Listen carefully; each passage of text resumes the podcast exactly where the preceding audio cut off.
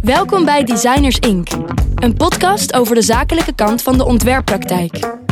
In Designers Inc. praat Roel Stavorines met ontwerpers over hun samenwerking met opdrachtgevers of met elkaar, over strategie, ontwikkeling en groei en over hun eigen positionering en zichtbaarheid. Kortom, Designers Inc. is een podcast voor jou, de ontwerper die vooruit wil. Studio en Lotte is de ontwerpstudio voor ruimtelijk ontwerp van Lotte de Jong. Ze is in haar werk altijd op zoek naar het prikkelen van de zintuigen, zodat de kijker zich echt verbindt met het onderwerp dat voor ligt. Die zoektocht naar verbinding, in een tentoonstelling bijvoorbeeld, leidt tot een constante afweging tussen lef en veiligheid, tussen dienstverlening en authenticiteit, tussen opdracht en autonomie. Hoe raak je de ander in het hart door steeds meer jezelf te zijn? Luister mee naar het verhaal van Lotte de Jong. Wil je naar aanleiding van deze podcast meer weten over de zakelijke kant van de ontwerppraktijk? Of zoek je daar ondersteuning bij? Kijk dan op bno.nl of bel met een van onze adviseurs. Dankjewel Lotte dat ik hier eh, vandaag mag zijn bij jou in Utrecht. Voordat je iets over jezelf vertelt, eh, vertel eerst even waar we zijn. Ja, hoi. Leuk dat je er bent. Uh, en je bent hier in de Haveloods. En de Haveloods is eigenlijk een creatieve broedplaats voor creatieven, voornamelijk autonoom uh, kunstenaars. Dus uh, linksboven ons zit een tatoeëerder, en rechtsboven ons zit sieradenmaakster en tegenover ons zit een muzikant. die voornamelijk bassen, gitaren beheerst. En daarachter zit dan weer een autonoom uh, fotostudio, waar ze echt ouderwetse foto's ontwikkelen nog. En uh, deze plek is, uh, ja, denk ik ondertussen twee jaar geleden open gegaan. En is eigenlijk gebouwd vanuit circulaire materialen. Dus eigenlijk alleen maar geoogste materialen. Hier, hier aan de binnenkant bedoel je? Uh, aan de binnenkant, ja. ja. ja. dus je moet je voorstellen, dit was vroeger een loods, een uh, afvalsverwerkingsfabriek. Ja, daar, daar, daar, heb ik niet heel veel voorstellingsvermogen voor nodig. dat is aan de buitenkant nog heel goed te zien, in ieder geval van binnen niet meer. Nee, inderdaad. En uh, eigenlijk hebben ze van binnenuit alles op opnieuw opgebouwd. En uh, is het af en toe ook hier een beetje een doolhof hoe het pand nou precies door elkaar zit. Maar dat maakt het eigenlijk ook wel weer leuk. Hier buiten is een enorme vrolijke bende. Met, met nadruk op bende, denk ik. Het is nu ook een beetje slecht weer, dus het doet allemaal wat, hoe zou ik dat zeggen, armetierig aan misschien. maar er zit wel een soort van, um, ja, het is een beetje Villa Kakelbond-achtig gevoel. Heel veel dingetjes, signings, spontaniteit, vrolijkheid. Ja, en ik kan me ook voorstellen dat het nu voelt alsof er niet echt een ziel in zit, omdat het winter is en donker en grijs en er weinig gebeurt buiten. Maar zeker in de zomer is het eigenlijk gewoon een hele vrolijke plek waar uh, heel veel makers uh, ook buiten bezig zijn. En uh, ja, eigenlijk allemaal gewoon vooral doen waar ze vrolijk van worden, waar ze zin in hebben en waar ze plezier aan beleven. Ja. Wie ben je zelf en wat doe je? Ik ben Lotte en ik ben ruimtelijk ontwerper. En daarmee ontwerp ik tentoonstellingen en ruimtelijke interieurs. En dat doe ik eigenlijk vanuit altijd de gedachte om een verhaal te vertellen. Dus uh, ik ben altijd op zoek naar wie is de eindgebruiker? Wie gaat nou uiteindelijk echt dat, die tentoonstelling bezoeken? Of wie gaat uh, deze ruimte echt ervaren iedere dag? En op welke manier kunnen we ja, die mensen het beste uh, ja, de beste plek geven die, uh, die ze verdienen op dat moment. Ja, even een klein stapje terug over het pad hier naartoe. We zeiden net in het voorgesprek dat je, je hebt niet aan de HKU gestudeerd, wat uh, hier eigenlijk in Utrecht een absolute must is. ja. Wat heb je wel gedaan? Ik heb, uh, ben ooit begonnen in, op Sint Lucas in Bokstel. En vanuit daaruit ben ik naar Engeland toe gegaan. En daar heb ik mijn bachelor gehaald en uiteindelijk ook mijn master in design for exhibitions en museums. En dat is eigenlijk precies wat ik, uh, wat ik nu ook nog steeds doe. Hoe kom je um, op, uh, want je hebt gestudeerd aan de University of Lincoln. Ja. Uh, dat is niet per se de meest logische plek, denk ik. Tenminste, ik zou hem niet direct gekozen hebben. Um, was daar een specifieke reden waarom je daar naartoe gegaan bent? Ja, dat was een hele specifieke reden. Allereerst wilde ik heel graag mijn Engels ophalen. Ik vond Engels vroeger een hele stomme taal waar ik niks mee kon. En uh, ik dacht, nou, als ik hem dan toch maar wil leren, dan zal ik dat maar in Engeland moeten gaan doen. Dus voor mij was toen Engeland best wel een uh, voor de hand liggende keuze. En daarbij uh, ben ik op zoek gegaan naar een opleiding die echt dat conceptuele in ruimtelijk kon omzetten. En die opleidingen zitten sowieso niet in Nederland. Er zit er één in Duitsland en twee op twee plekken in Engeland. En één daarvan is Londen en de andere daarvan is Lincoln. En waarom kies ik dan Lincoln boven Londen. Dat had te maken met uh, dat daar de professors eigenlijk nog iets beter waren als in Londen. Uh, kostentechnisch was het ook iets aantrekkelijker om uh, überhaupt in Engeland te studeren. Is onwijs duur. En Lincoln was iets behapbaarder als Londen. En mijn vooropleiding Sint-Lucas had ook een connectie met Lincoln. Dus waardoor die toelating eigenlijk ook makkelijker werd. Ja. Is er een reden waarom je dat type opleiding of die specialiteit in Nederland niet vindt? Ik denk omdat we uh, in Nederland daar te klein voor zijn. De uh, musea, musea's die er zijn, die uh, zijn best wel gericht op collectie en minder gericht op vormgeving. Als je bijvoorbeeld naar Engeland gaat kijken, heb je een onwijs grote Engels-museale wereld, waarin ook alle musea gratis te bezoeken zijn. Maar waar ook gewoon echt heel veel in, uh, ontwerpers intern zitten bij musea's om uh, nieuwe tentoonstellingen te ontwikkelen. Ja. En, en, dat is iets wat je in Nederland gewoon minder ziet. Uh, in Duitsland noemen ze het nog net iets anders. En daar gaat het veel meer over het ervaren van een ruimte. Dus dat gaat zowel over commercieel als cultureel. Ja, als je dat zegt, dan zou het helemaal niet onlogisch geweest zijn als je in Engeland was blijven hangen. Ja, Of naar Duitsland was gegaan. Heb ik ook gedaan. Ik ben niet in Engeland blijven hangen. Uh, en dat had voornamelijk een reden omdat ik uiteindelijk een baan in Duitsland heb aangeboden gekregen. Ik ben uiteindelijk in Frankfurt terechtgekomen. Daar heb ik voor Wave Studios gewerkt. En dat was een bureau wat echt ruimtelijke communicatie deed, zowel commercieel als cultureel. En je moet niet vergeten dat ik afstudeerde in 2012 in de economische crisis. Waarbij ik ook uh, ja, als nieuweling eigenlijk met weinig werkervaring lastiger aan een baan kwam. De, de, de banen lagen niet voor het oprapen. Er waren te veel goede mensen met veel ervaring die ook op zoek waren naar een baan. Ja. En uh, uiteindelijk heb ik er twee maanden of drie maanden over gedaan om deze baan te vinden. En de grap is wel dat ik die wel weer via Engeland gekregen heb. En nu spreek je ook heel goed Duits. Ik sprak heel goed Duits. En ik durf op dit moment niet glashard te zeggen dat ik heel goed Duits spreek. Nee. Wat is je volstap geweest? Naar Wave in de Duitsland? Of Wave? Of hoe spreek je het uit? Wave. Wave gewoon. Uh, ja. ja. Uh, na Weef ben ik naar Nederland gekomen. Ik heb daar nog heel even een tijdje voor een bureau gewerkt, uh, die zowel in Duitsland als in Nederland zat. En vanuit daar heb ik eigenlijk besloten dat ik uh, voor mezelf ging beginnen. En dat kwam natuurlijk niet zomaar uit de lucht vallen. dat uh, kwam doordat ik ik moest heel erg wennen aan Nederland, na zes jaar buitenland. Ik voelde me echt een buitenlander in Nederland. Had heel veel dingen niet gemist uh, van deze cultuur. Ook heel veel dingen weer wel. En uh, ik had gewoon wat ruimte nodig om na te denken van ja, wat, wat, wat wil ik nu eigenlijk? Bij Weef heb ik hele mooie kansen gehad. Heb ik heel veel, heel veel mooie merken mogen werken. Maar dat waren ook wel dromen die ik verwacht had op mijn veertigste te verwezenlijken. En ik was 25.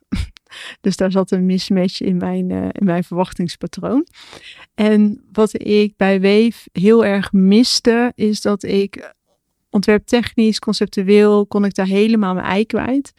Uh, op het moment dat we naar realisatie gingen, wat vaak uit handen werd gegeven, kwam ik uiteindelijk op locatie het, ja, het afontwerp zien. En dan dacht ik, oeh, dit is niet wat ik bedacht had. Hm. En daar uh, kreeg ik steeds meer spijt van. En dat heeft me heel erg getriggerd in de periode dat ik terugkwam naar Nederland. Van hoe kan het nou zo zijn dat er zo'n gave dingen bedacht worden, maar dat die altijd niet uitgevoerd worden op de manier zoals je bedacht hebt. Ja. En dat zijn vaak de redenen als uh, planning, prijs, andere gedachtegangen van andere mensen, geen communicatie. Maar ook lijkt me in de um, uiteindelijke uitwerking van bijvoorbeeld zo'n tentoonstelling. Want als je op zoek bent naar um, um, zeg maar een soort van effect dat bezoekers van een tentoonstelling werkelijk zich verbinden met de inhoud die op die tentoonstelling uh, te vinden is. Um, ja, bij grafisch ontwerp zit je vrij direct op het eindresultaat. Bij een tentoonstelling heb je te maken met een ruimte, je hebt te maken met specifieke bezoekers, je hebt te maken met hoe mensen uh, door een ruimte zich heen bewegen, et cetera. Er zijn veel meer dimensies letterlijk die een rol spelen. Ja, klopt. Het lijkt me super lastig om daar op voorhand een goede inschatting te maken van um, is datgene wat ik beoog te doen met mijn ontwerp, um, lukt dat ook? Ja, klopt. En daarom is het zo belangrijk dat je al die fases erbij blijft. Uh, zodat je ook uh, kan fine-tunen en kan optimaliseren.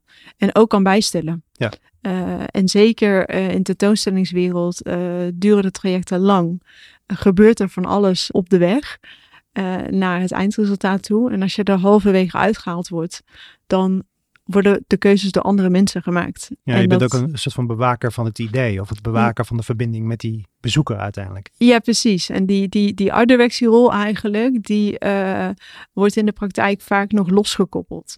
Dus uh, jij bent de ontwerper, bedenk jij maar wat we moeten doen en dan gaan wij het wel uitvoeren. Ja. Alleen daar zit een gat. En dat gat uh, werd voor mij persoonlijk te pijnlijk. Uh, ik merkte dat ik gewoon niet meer trots en tevreden over mijn eigen werk was. En niet omdat ik het niet tof had ontworpen, maar vooral omdat het eindresultaat niet was volgens mijn verwachtingen. En als je dan gaat kijken naar waar word je blij van. Aan de ene kant word je blij van dingen creëren en maken. Maar als je bij, aan, bij voorhand al weet van nou, dat gaat toch niet zo gebeuren. Ja, dan kan ik het net zo goed niet ontwerpen. Ja. Um, je zei net um, dat het best wel een schok was om hier naartoe terug te komen. Ja. Um, waar zat hem dat in? Ik denk voornamelijk in de directheid van de Nederlander, maar ook, ja, ik durf het eigenlijk niet te zeggen, maar ik ga het toch doen. Uh, ook wel de klaagmodus van de Nederlander. Nederlanders zijn best wel klaagmensen. Er is meer niet goed dan wel goed. En uh, als je in, uit een hele positieve vibe, zeker in Engeland is een hele positieve vibe. En in Duitsland is het wat, uh, wat oppervlakkiger. Uh, ja, dan, dan, dan komt dat best wel binnen. Waar, waar merkte je dat aan? Of waar zag je dat aan? Dat zag ik aan nou ja, we hadden het bijvoorbeeld uh, het, weer. Het weer is het, het gespreksonderwerp van de dag, overal. Maar niet uit dat ik nou bij de kapper zit, in de supermarkt rondloop of uh, een zakelijke afspraak heb. Iedereen heeft het over het weer. En um, men vindt ook altijd alles ingewikkeld.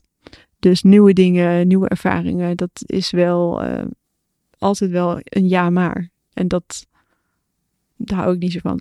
Nee, dus dat, dat pleitte er ook heel hard voor dat je toch gewoon weer terugging naar Duitsland, terugging naar Engeland. Wat maakt dat dan toch dat je uh, die stap zet om hier je eigen bedrijf te beginnen? Um, Want dat vind je natuurlijk, dat vind je om je heen, maar dat vind je dan ook misschien wel in opdrachtgevers of in collega's of in leveranciers of in.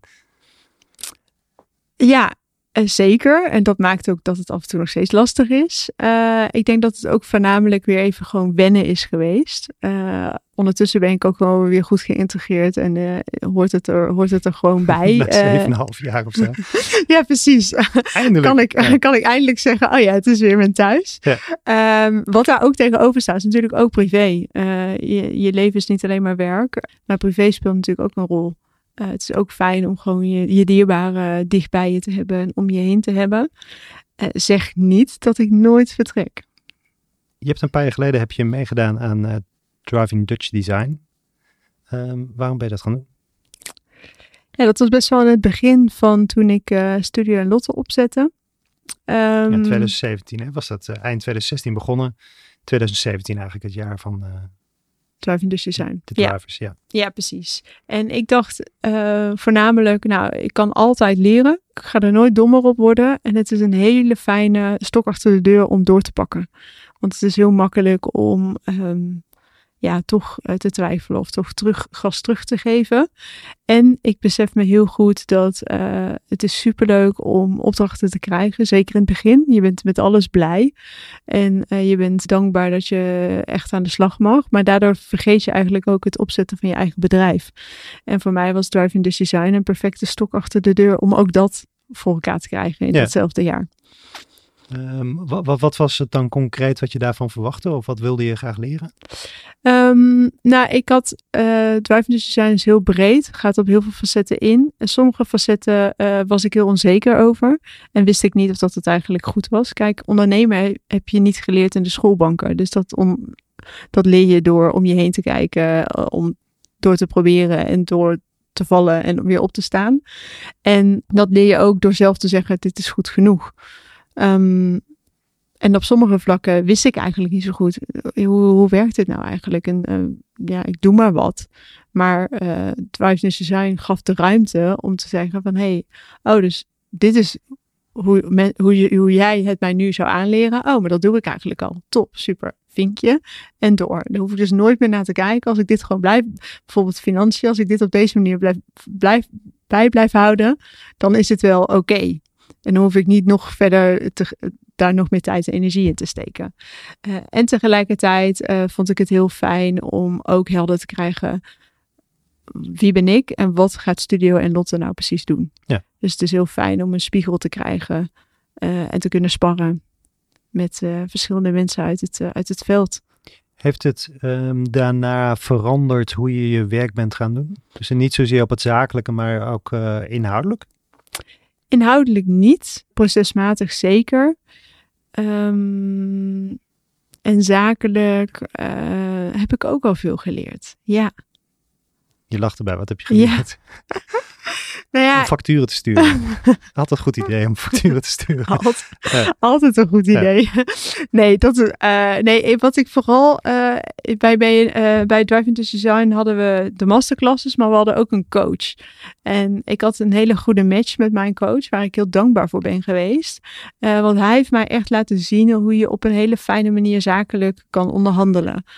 maar ook echt kan onderhandelen met mensen waar je bijvoorbeeld tegen aankijkt. En uh, hoe je nou zo'n gesprek het beste kan voeren. En hoe jij er daar zelf het beste uitkomt. Ja, waar leer je dat nou? Nergens. Nee. Uh, maar wel bij Drive Design. Ja. Mooi. Um, wat ik me af zat te vragen is, um, ik zat na te denken over um, jouw specialiteit. ruimtelijk ontwerp staat voor mij sowieso iets verder af. Want het, ik weet er van een afstandje wel iets van. Maar grafisch ontwerp weet ik veel meer van. Want het zit veel meer in mijn eigen DNA. En, en uh, ik ben merkstratege, dus daar ben ik elke dag mee bezig. Ruimtelijk speelt natuurlijk wel degelijk een rol. Vind ik veel ingewikkelder. En ik zat na te denken over in wat voor een tentoonstellingen ben ik nou geweest. Waarbij ik zelf um, eigenlijk jouw ambitie heel erg herken. Dus um, waar daadwerkelijk een verbinding is gemaakt met mij als bezoeker. Um, en ik kwam op helemaal niet zo gek veel voorbeelden eigenlijk. Um, misschien maar één, twee, drie hoogstens in de afgelopen 10, 15 jaar. Um, dus ik vroeg me af of die ambitie van jou die um, heel prijzenswaardig is, of die niet bijna ook een lat te hoog is. Is het überhaupt mogelijk om een bezoeker op die manier zo sterk te verbinden met het onderwerp wat je op tafel legt? Ik denk dat het kan, zeker weten. Ik ben wel even nieuwsgierig welke uh, welke museums in jouw hoofd oppoppen? Als je zegt, het zijn er één, twee of drie. Um, een, een, hele eenvoudige tentoonstelling. Tenminste eenvoudig in de zin van dat hij redelijk eendimensionaal was. En dat is namelijk gewoon werk van Paul Klee in Hayward Gallery. Toevallig Londen. Mm -hmm. um, en een paar jaar geleden in Saatchi Gallery was een fantastische tentoonstelling. Wat een, een soort van experience was. Waar je um, eigenlijk in het pad naar die tentoonstelling toe al meegenomen werd in het verhaal. Dus je werd in een groepje van negen mensen gezet. Ging je een trap op in een appartementengebouw. Er kwam boven in een ruimte. Je werd een ruimte binnengelaten, die was donker. En uh, daar hing een, een, quote op de muur die iets zei als... Ik weet niet meer wat de letterlijke tekst was, maar er, er stond iets als... In deze ruimte ga je het niet vinden. En je kreeg gelijk te maken met de groepsdynamiek, want die, dat groepje uh, stond een beetje te kijken, ja, wat, wat, wordt er van ons verwacht? We zien geen hand voor ogen, dus uh, we zagen ook geen deur of iets. Um, en er moet natuurlijk iemand de eerste zijn die zegt van ja, dit duurt me te lang en ik ga op onderzoek uit. Um, maar dat hele proces daar naartoe um, was al eigenlijk interessant en, nam je al mee. En vervolgens stond inderdaad iemand op die deed ergens een deur open die die vond. En toen ging je de tentoonstelling in. Het was muziek, het was licht, het, was, het waren objecten fantastisch gepresenteerd. Uh, het was gewoon een, een complete ervaring. Fantastisch um, immersive, zou je het noemen, denk ik nu. Heel anders dan die Paul Klee tentoonstelling, wat gewoon zijn werk was, wat een hele grote indruk maakte. Maar, maar alleen dat al, dat grote verschil tussen wat je in het ene geval nodig hebt, die immersive experience, en in het andere geval gewoon het, het, het schilderijtje gepresenteerd op de manier zoals Paul Klee misschien wel bedoeld heeft. Ja. Hoe maak je die keuzes? In vredesnaam. Ja, dat is door je doelgroep heel goed te analyseren. Uh, veel het gesprek ook aan te gaan. En uh, heel goed te weten, wat wil ik eigenlijk bereiken met deze tentoonstelling? En um, wat je zegt is wel terecht. Uh, in Nederland wordt heel veel gebruik gemaakt van de traditionele manier om objecten tentoon te stellen. Terwijl ik geloof dat er nog zoveel meer mogelijk is om door je echt mee te nemen in het verhaal. En bij mij is een tentoonstelling eigenlijk pas echt geslaagd als een bezoeker gewoon even twee uur vergeten is wat zijn boodschappenlijstje was. Dat hij nog uh, Pietje en Jantje terug moest bellen en uh, wat hij vanavond ging eten. Ja. Um, dus dat hij echt even helemaal ondergedompeld is. En dat maakt dat je uiteindelijk uh, op zoek gaat naar die juiste verbindingen. En hoe ik dat doe, ja, ik vraag het mezelf soms ook nog wel eens ooit af. en toch lukt het. Hoe weet je het? Um, soms heb ik een onderbuikgevoel waarvan ik denk, ja, dit lijkt erop te lukken. Uh, dus als ik iets bedenk, dan kan ik ineens een kriebel krijgen en denk ik, oh, volgens mij is dit het. Uh, maar dan toets ik het wel meteen. Dus uh, naast dat je het toetst, kijk, een tentoonstelling, als die er is, dan heb je al lang moeten testen of dat het werkt of niet. Want er gaat veel te veel geld, tijd, energie in om het helemaal te produceren en dan erachter te komen, het werkt niet. Al gebeurt dat ook wel eens ooit, want niets uh, gaat altijd vlekkeloos. Um, maar als je merkt dat je op de, de, de team waar je mee aan het werk bent, dat die enthousiast worden als je gaat um, ja, mensen om je heen gaat vragen van hé, hey, wat vind je van dit idee? En dan pak ik juist de meest random mensen. Van mijn schoonouders tot mijn neefje, tot uh, een vriendin die totaal iets anders doet, een hele andere belangstelling heeft. Die, uh, die spiegel ik wel heel tijd aan wat, wat ik aan het doen ben. En ik denk dat dat heel erg helpt om, ja, om de juiste snaar te raken. plus een stukje mensenkennis. Ik denk dat dat ook heel waardevol is in het vak wat ik uitvoer. Ja, naar twee kanten toe denk ik. Aan de ene kant ehm, uiteindelijk de bezoeker van de ruimte die je hebt vormgegeven. Ja. Uh, maar in eerste instantie ook je opdrachtgever. Ja, en dat is een grappige, want voor mij, en dat zeg ik eigenlijk altijd direct op het moment dat ik met een uh, opdrachtgever om tafel zit. Ik zeg heel eerlijk gezegd, ben jij mijn opdrachtgever niet, maar jouw bezoeker, jouw eindgebruiker. En als ik die kan raken, uh, ja, dan, dan ben ik geslaagd. En uh, alleen het gekke is, is dat die bezoeker mij geen opdracht geeft. dus die opdrachtgever geeft mij wel de opdracht en die betaalt uiteindelijk ook. En die betaalt het hele project. Ja. Dus uh, je bent continu eigenlijk in een driehoeksverhouding. Maar uh, als je, ja, mensen die veel met me werken, die zullen dat beamen. Dat ik eigenlijk altijd de partij van de bezoeker kies. En zeg van, hé, hey, maar ik denk niet dat de bezoeker hierop zit te wachten. Of ik denk juist dat de bezoeker dit heel vet vindt. En als er dan een twijfel is, dan ga, dan ga ik gewoon testen. Ja, staat dan, um, nou ja, ik zei het eigenlijk in de intro, je eigen autonomie of je eigen authenticiteit uh, vaak ter discussie? Als je en, en je eigen belangen en die van die bezoeker en die van je opdrachtgever hebt te bewaken, uh, kan me voor, het is makkelijkst om je eigen, uh, nou misschien ook wel niet trouwens, Vertel het maar gewoon. ja, ik zit nog gelijk een antwoord ja. te zoeken. Maar. Nee, ja, staat mijn eigen autonomie op, uh, op het spel dan? Nee, omdat ik, uh, voor mij is uiteindelijk die bezoeker het allerwaardevolste. Daar doe ik het voor. En uh, de grap is dat ik zelf niet een eigen handtekening heb in stijl. Dus ik heb niet, je zult niet aan een ontwerp zien, hey, dit is van Lotte. Je zult het wel voelen. En dat is denk ik het verschil. En op het moment Kun je dat, dat gevoel beschrijven?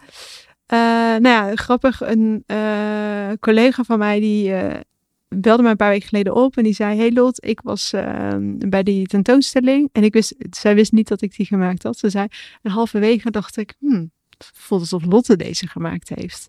En toen vroeg ik aan haar, ik zei, maar wat maakt nou dat jij denkt dat ik die gemaakt heb? Het was ook zo. Ze zei, nou, uh, het voelde allemaal zo ineengesloten. Het leek wel of dat het, die tentoonstelling er altijd al was op deze plek. En dat kunnen niet veel mensen. Dus wat jij deed, is het gewoon helemaal integreren, waardoor het lijkt alsof het er altijd al was. Maar we trokken het er ook twee maanden later gewoon weer uit. En toen zag je ook gewoon weer het, het pand uh, terugkomen in de originele staat. En wat het, dit was een monumentaal pand wat al heel erg mooi was. Um, en waarbij je dan op zoek gaat naar, oké, hoe kan ik, hoe kan ik en het pand op zijn best laten, maar hoe kan ik ook die tentoonstelling tot zijn recht laten komen. En die combinatie is denk ik uh, ja, een stukje gevoel en um, het helemaal op laten nemen in de omgeving. En niet per se zeggen, nou, ik ontwerp altijd vierkant, dus het gaat er vierkant in. Punt. Ja, helder. En, Ja, dat, blijft, en dat blijft een lastig antwoord, dat besef ik me. Nou, nee, ja, dat is volgens mij een heel helder antwoord. Maar je bent toch ook een soort van jongleur met allerlei belangen. eh, waarbij toch nog weer die vraag zich opdringt van... ehm, waar blijf je dan zelf? Ik vraag het ook omdat je ergens zei, ik vond het wel een mooi zinnetje. Ik sta, ik sta namelijk in dienst van de opdrachtgever. Dat is wel een expliciete keuze eigenlijk, om dat Ja. te stellen. Eigenlijk misschien eigenlijk wat je net zei, meer nog in dienst van de, van de kijker of van de gebruiker of de bezoeker van, van die ruimte. En in de keuzes die ik maak als ontwerper zit soms toch een soort veiligheid en minder lef dan ik zou willen. Ehm, Ja. Ik was benieuwd waar dat hem dan in zit. Ehm, Ja, dat zit hem uiteindelijk vaak in eh, hele harde ontwerpkeuzes. Ehm, dus meer, meer, meer in de zin van, nou ja, ik heb het meegemaakt in een ontwerp dat ik gewoon een heel groot, zwaar rood kader wilde schilderen. Ja, dat was toch wel een beetje te veel. Dat moest wel minder. maar wat maakt het dan te veel? Eh, nou, dat was dat, dat, dat, het museum vond dat nogal heftig. Maar als het goed werkt, als het goed werkt, ehm, dat ja, eens. En daar zit dan ook mijn struggle. Ja. Waar, eh, waar, waar laat ik de lat eh, liggen? En waar ga ik hem, eh, waar ga ik me heel erg standvastig aan houden? ja, en hoe kun je dat beargumenteren? Dat, dat, dat meer rigide met die ontwerpkeuzes omgaan toch een goed idee is. Het lijkt me lastig om dat eh, Dat is onwijs lastig. En dat heeft volgens mij niks te maken met het beargumenteren van je, ehm, van je ontwerp te maken. Maar heeft vooral met je eigen zekerheid te maken. En een stukje ervaring die je al hebt meegenomen. Dus ehm, door te kunnen zeggen van hé, hey, maar destijds heb, in, in, dat project of in dat project is het zo en zo gegaan. Toen zijn toch die keuzes er doorheen gedrukt. En dit heeft het als resultaat geleverd. Eh, daarmee cre- creëer je een soort van vertrouwen. En dat heb je wel nodig op het moment dat je eh, dat soort keuzes er echt doorheen wil duwen. Eh, dat is in ieder geval mijn ervaring. En dat lukt mij ook niet altijd om het te doen. En ehm, met een stukje lef eh, bedoel ik ook vooral in. ehm, nou, heel vaak wordt toch de, de, de, de, de gulden middenlijn gezocht. Dus eh, waarom eh, de confrontatie wordt nooit niet altijd even hard aangegaan. En dat kan door, het zijn door een object niet te tonen of door het verhaal half te vertellen in plaats van helemaal. En daar heb ik, daar heb ik wel moeite mee. Is dat in Engeland of in Duitsland anders? Ehm, nee. nee, ik denk dat eh, het daar net zo is. Misschien nog wel erger.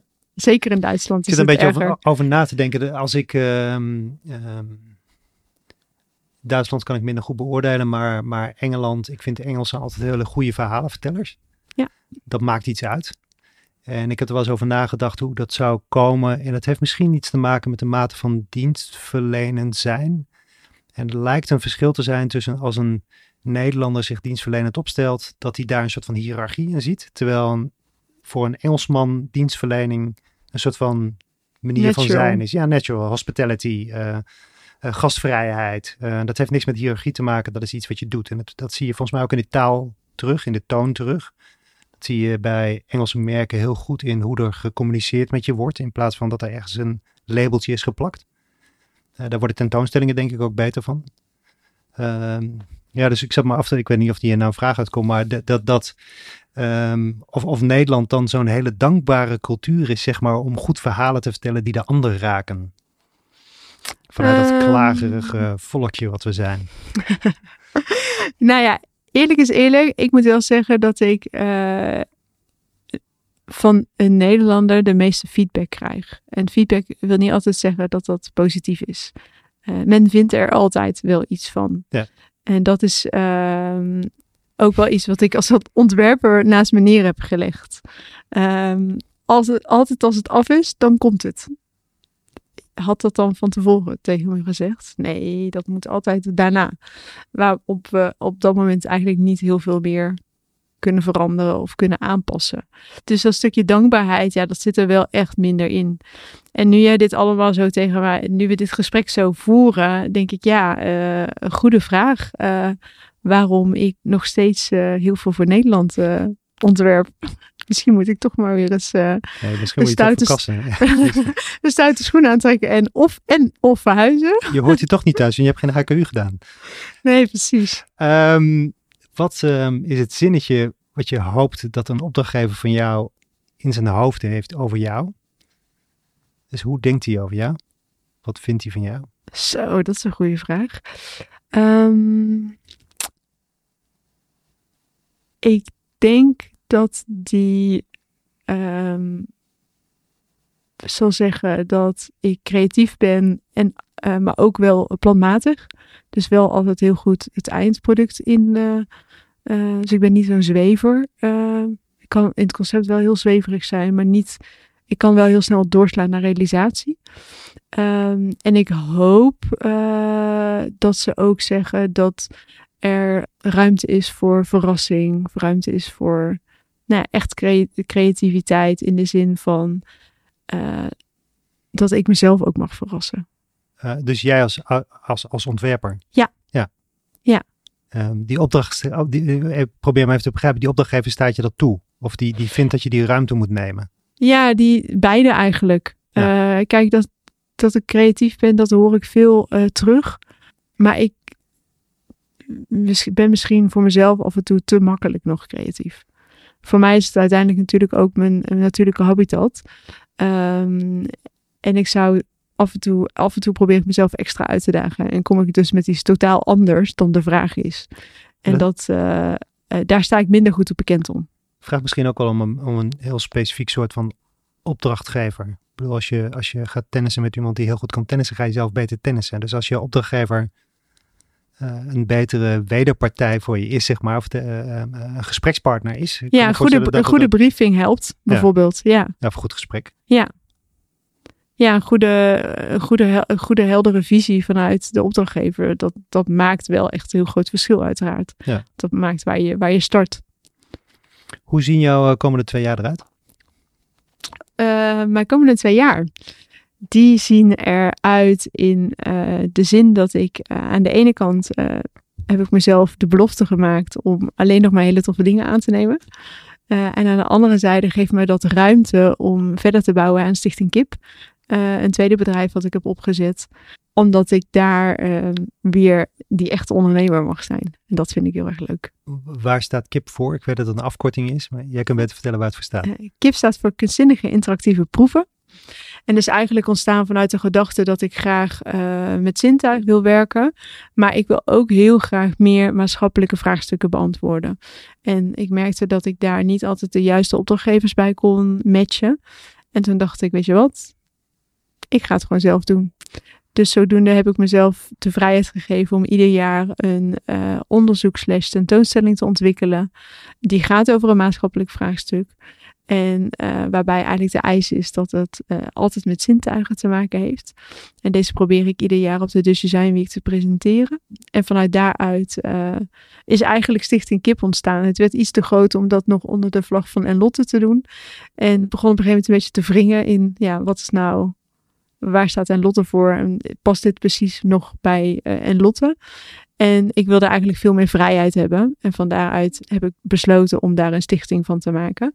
Niet alleen ook voor mezelf, maar ook voor andere kunstenaars. Dus het, het moet eigenlijk een, een, plek zijn waar ja, ook ik samen met andere kunstenaars kan samenwerken. Maar ook andere kunstenaars ruimte voelen om, uh, ja, om eigen werk te produceren. Hoe gaat dat uh, concreet in zijn werk? Uh, de Dutch Design Week is in oktober. Ja. Uh, bedenk je dan zelf een plan of, of word je benaderd met een plan of een idee of een vraagstuk? meestal bedenk ik er zelf een en zoek ik daar de juiste partijen bij. Ja. ja. Maar dan zoek je ook bewust de samenwerking met andere makers. Ja, makers, maar ook wel uh, ja, merken of organisaties die, die aansluiten bij het thema en die daar ook baat bij kunnen hebben. En soms lukt het niet voor de Dutch Design Week om dat voor elkaar te krijgen. Maar dan is eigenlijk de Dutch Design Week een hele mooie kick-off om op dat moment het gesprek aan te gaan en eigenlijk het project een vervolg te geven. Heb je nu al iets op de rol staan voor de komende Design Week? Er borrelt wel iets, maar er staat nog niks uh, concreet. Nog niks in de uh, stijgers. Nog niks in de stijgers, nee. Hey, en um, je zei net uh, toffe projecten. Heb je Ja. ook voor jezelf gedefinieerd wat een tof project is? Ja, uiteraard. Want anders, uh, wat, is een, wat is een tof project? Ja, wat is een tof project? Ja, wat is een tof project voor jou? Uh, voor mij is een tof project een project waarin ik uh, de ruimte heb om de opdrachtgever mee te nemen in een creatief proces. Um, om de ruimte te krijgen om een project van A tot Z te doen. Dus uh, niet alleen maar het concept, maar echt vanaf het begin af aan tot en met de realisatie. Uh, daar wordt uh, mijn hart uh, heel veel blijer van. Dus dat noem ik een tof project. En uiteindelijk vind ik een, uh, de samenwerking ook belangrijk. Dus de dynamiek die ik heb met het team, met het projectteam vanuit de opdrachtgever, maar ook met het team wat ik zelf bouw, dat die goed is. Dat geeft mij, denk ik, misschien nog wel de meeste energie iedere dag om, om toffe dingen te doen. En ik geloof als dat een goede basis is, dat dat ook alleen maar een goede basis kan zijn tot een goed eindresultaat. En je elkaar dus ook nog verder kan challengen, uitdagen. Uh, om het nog mooier, leuker, gaver en bijzonderder te maken. Heel veel succes daarmee. Dankjewel. Dankjewel voor dit gesprek. Dankjewel. Dit was Designers Inc. Een podcast voor de ondernemende ontwerper die vooruit wil. Wil je reageren of heb je suggesties? Laat het ons dan weten via info@designersinc.nl. En volg ons op Spotify, zodat andere ontwerpers ons ook kunnen vinden. Designers Inc. is een initiatief van Roel Stavorines en de BNO en wordt mede mogelijk gemaakt door Roland Gele en het Pictorite Fonds.